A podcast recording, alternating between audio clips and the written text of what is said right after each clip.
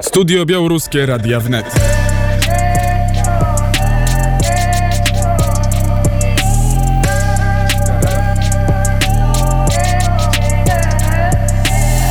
Белорусская студия «Радиовнет». Dzień dobry, witam Państwa. Olga Simaszka jest w studiu, a to oznacza, że w ciągu najbliższych 20 minut będziemy rozmawiać o sprawach dotyczących Białorusi. A gościem dzisiejszego programu będzie dr Andrzej Szabaczuk z Instytutu Europy Środkowej, ale zaczynamy jak zawsze od wiadomości z Białorusi. Nowiny UNET. Wiadomości w net. I zaczynamy od spraw wojskowych. Rosja dostarczy Białorusi około 170 czołgów, 200 wozów bojowych. Poinformował o tym Walery Rawienka, który w Ministerstwie Obrony Białorusi odpowiada za kontakty międzynarodowe. A do Białorusi ma przybyć też 9 tysięcy żołnierzy z Rosji. Urzędnik Ministerstwa Obrony powiedział, że rosyjscy żołnierze i sprzęt są potrzebni Białorusi, by mogła odpowiedzieć na zagrożenie ze strony NATO. Strategia Zachodu, dodał, polega na zachęcaniu radykalnych elementów białoruskich do obalenia legalnych władz na Białorusi. 10 października, przypomnę, Aleksander Łukaszenka ogłosił, że uzgodnił z Putinem utworzenie regionalnego zgrupowania wojsk. Łukaszenka obiecał pracę nad przyjęciem i rozmieszczeniem Rosjan. Tłumaczył to tym, że Ukraina rzekomo planuje uderzenie na terytorium Białorusi. A niezależny portal Nasze Niwa otrzymuje z całego kraju sygnały, że mężczyźni są wzywani do służby wojskowej. Może to oznaczać, że reżim Aleksandra Łukaszenki rozpoczął tajną mobilizację. Zakończyła się wizyta na Ukrainie ministra spraw zagranicznych rządu czy gabinetu tymczasowego Waleria Kowalewskiego. Przyjął do Kijowa propozycję Swietlany Tichanowskiej w sprawie nawiązania stosunków dyplomatycznych między siłami demokratycznymi Białorusi a biurem Zielenskiego. Jak powiedział nam Walery Kowalewski, miał spotkanie w ukraińskim parlamencie i z ukraińskimi politykami. Najważniejszą rzeczą, jaką chcieli od niego usłyszeć, było to, w jaki sposób siły demokratyczne będą wspierać Ukrainę, a także jakie stosunki mają z Rosją, ponieważ jeszcze przed wybuchem wojny Tichanowska wypowiedziała się niejednoznacznie na temat współpracy z Rosją. Dla Ukrainy ważne było wysłuchiwanie aktualnego stanowiska rządu, powiedział Kowalewski. Od początku tej wojny głównym przesłaniem zarówno Światłany Cichanowskiej, jak i wszystkich sił demokratycznych było to, że musimy wspierać Ukrainę w tej wojnie. Po drugie, Łukaszenka i Putin są wspólnikami tej zbrodni, więc muszą zostać pociągnięci do odpowiedzialności. Społeczność międzynarodowa może podjąć dodatkowe kroki w celu nałożenia dodatkowych sankcji na oba reżimy i podejmować dodatkowe starania o zorganizowanie Trybunału dla Łukaszenki i Putina. Zasługują na to, aby być na tej samej ławie oskarżonych i siedzieć w tej samej celi. Bardzo ważne jest zapewnienie Ukrainie wsparcia politycznego, finansowego i zbrojeniowego. W tym sensie nasze stanowiska są całkowicie zbieżne. в этом смысле наши позиции полностью совпадают. Если говорить об отношениях с Россией, то Jeśli mówimy o stosunkach z Rosją, to gabinet tymczasowy wypracował podejście do rewizji stosunków umownych i prawnych. Przewiduje się wyjście z niektórych umów. Niektóre z nich są sprzeczne z narodowymi interesami Białorusi, Białorusi, w szczególności są to umowy o współpracy wojskowo-politycznej między Łukaszenką a Rosją. Są to dokumenty organizacji układu o bezpieczeństwie zbiorowym. Oczywiście rewizji będzie podlegał traktat o ustanowieniu państwa związkowego, który jest mapą drogową do wchłonięcia Białorusi przez Rosję, a także porozumienia w dziedzinie integracji gospodarczej, które w dużej mierze przenoszą kontrolę nad Białorusią na Kreml. To wszystko jest dla nas nie do przyjęcia. Kremlu to wszystko to, co dla nas niedopuścimy. Alternatywą do tego powinno być zbliżenie Białorusi z Europą. Należymy do rodziny europejskiej, należymy do cywilizacji europejskiej. W latach rządów Łukaszenki Białoruś znacząco odeszła od tych zasad, uzależniła się od Rosji i dokonała wyboru cywilizacyjnego, którego nie podzielają Białorusini. Siły demokratyczne muszą to naprawić. Miejsce Białorusi jest w Europie, a Białoruś liczy na wsparcie i wspólną pracę z Ukrainą w tej sprawie. совместную работу со стороны Украины. Mówił Walery Kowalewski, minister spraw zagranicznych rządu tymczasowego Świetlany Tichanowskiej. W Wilnie otwarta wystawa plakatów biało-czerwono-białym. Polscy artyści opowiedzieli w języku sztuki o wydarzeniach politycznych na Białorusi.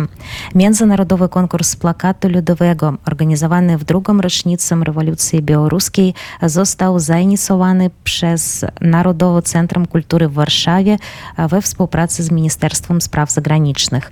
9 sierpnia 2022 roku na ogrodzeniu Warszawskiego Królewskiego Parku Lozienki wystawę zwycięzców konkursu. A pod koniec sierpnia w ramach akcji solidarnościowej Biały-Czerwony-Biały plakaty te zostały umieszczone na przystankach komunikacji miejskiej w Warszawie. Teraz plakaty słynne można zobaczyć w Wilnie. Otwarcie ekspozycji zorganizowała ambasada Rzeczypospolitej w stolicy Litwy. Mówi szefowa ambasady Urszula Doroszewska. Głównym celem jest pokazanie naszego wsparcia oczywiście dla białoruskiego społeczeństwa obywatelskiego, naszego wsparcia dla białoruskiego dążenia do wolności. Również chcemy to pokazać naszym przyjaciołom Li- Litwinom, naszym przyjaciołom e, Ukraińcom, którzy tutaj znaleźli się, i przede wszystkim naszym przyjaciołom Białorusinom, którzy musieli opuścić swój kraj e, i tutaj zamieszkać. I w tym wspaniałym domu białoruskim jest miejsce spotkań, miejsce przyjaźni, też miejsce pokazania tych plakatów. Plakat mówi swoim językiem, językiem sztuki i ten język akurat w plakacie jest bardzo y, taki skondensowany, skoncentrowany. I wszystkie te plakaty, proszę zwrócić uwagę, utrzymane są w trzech kolorach, białym, czerwonym i białym. To jest kolor polskiej flagi i białoruskiej flagi. To jest bardzo symboliczne, bardzo piękne, że my w tym odnajdujemy swoją jedność, swoje wspólne korzenie historyczne. Możemy się porozumieć właśnie przy pomocy tych kolorów mówiła ambasador Polski na Litwie Urszula Doroszewska. I tak wyglądały dzisiaj główne wiadomości z Białorusi. Nowiny UNET. Wiadomości w net. I to była Ola Siemaszko. Ola Siemaszko jest w Wilnie, a ja jestem w drodze e, pomiędzy Lwowem a e, Kijowem i stąd e, To jest e, prawda, kiedy Paweł Bobołowicz i Wojtek Jankowski są w drodze, mogą być kłopoty z łącznością, ale się temu nie poddajemy, Pawle. Czy jesteś w drodze, czy też nie? Paweł, Paweł Bobołowicz szuka zasięgu. Nie wiem, czy w studio w Wilnie jest Olga Siemaszko. Olgo? Tak, jestem. E, Czekamy, czekamy na połączenie e, z Pawłem. My też byliśmy w drodze w czasie wielkiej wyprawy i wiemy, że czasami człowiek myśli, że je ma, a tymczasem e, figa z makiem połączenia nie ma. Zaraz Paweł Bobołowicz wróci na antenę Radia Wnet. A powiedz, co się dzieje z Czerwonym Kościołem w Mińsku? To pytanie do mnie, tak? Do ciebie, Olu.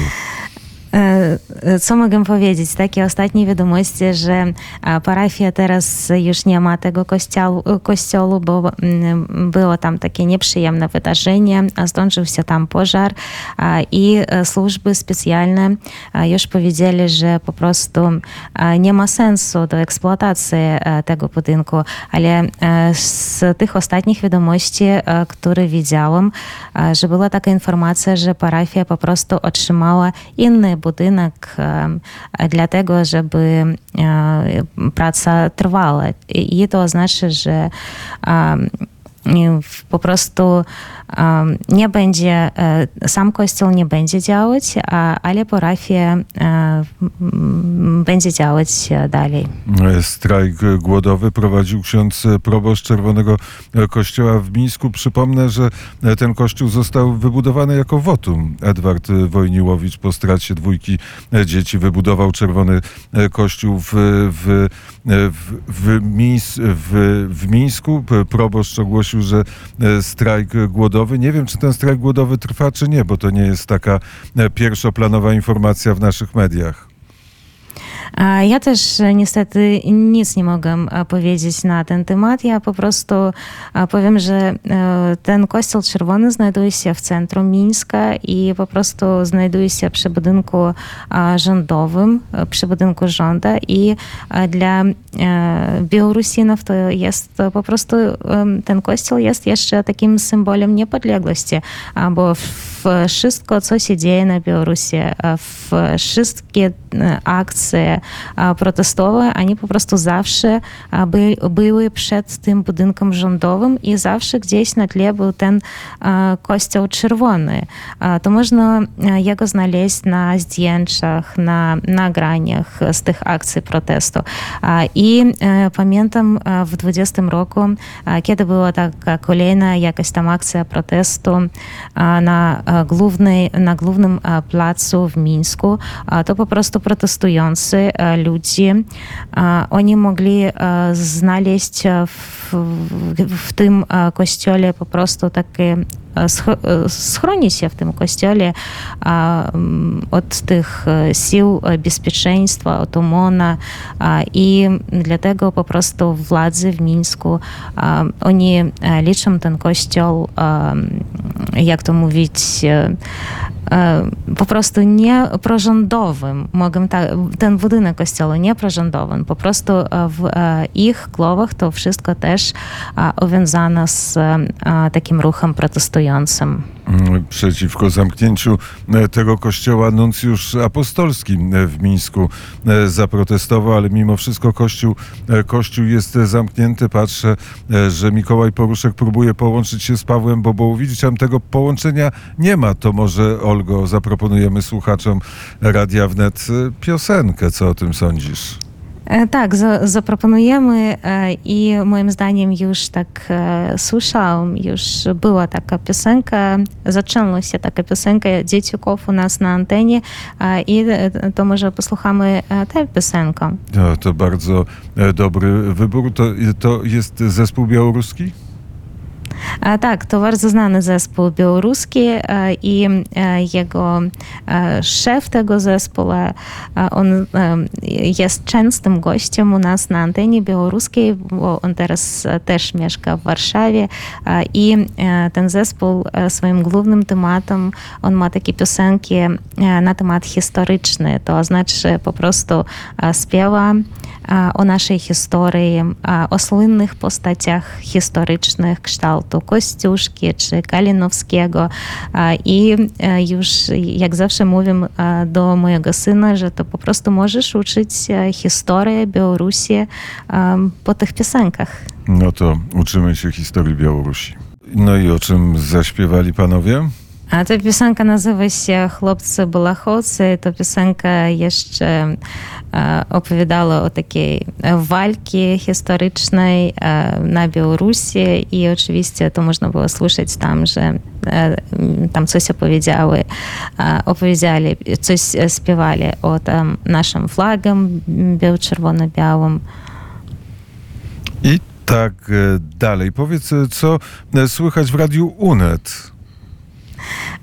W Radio UNET jest wszystko w porządku. Powiem, że jestem bardzo dumna z tego, że zaczął działać już na nasze, zaczęła już działać nasza strona internetowa.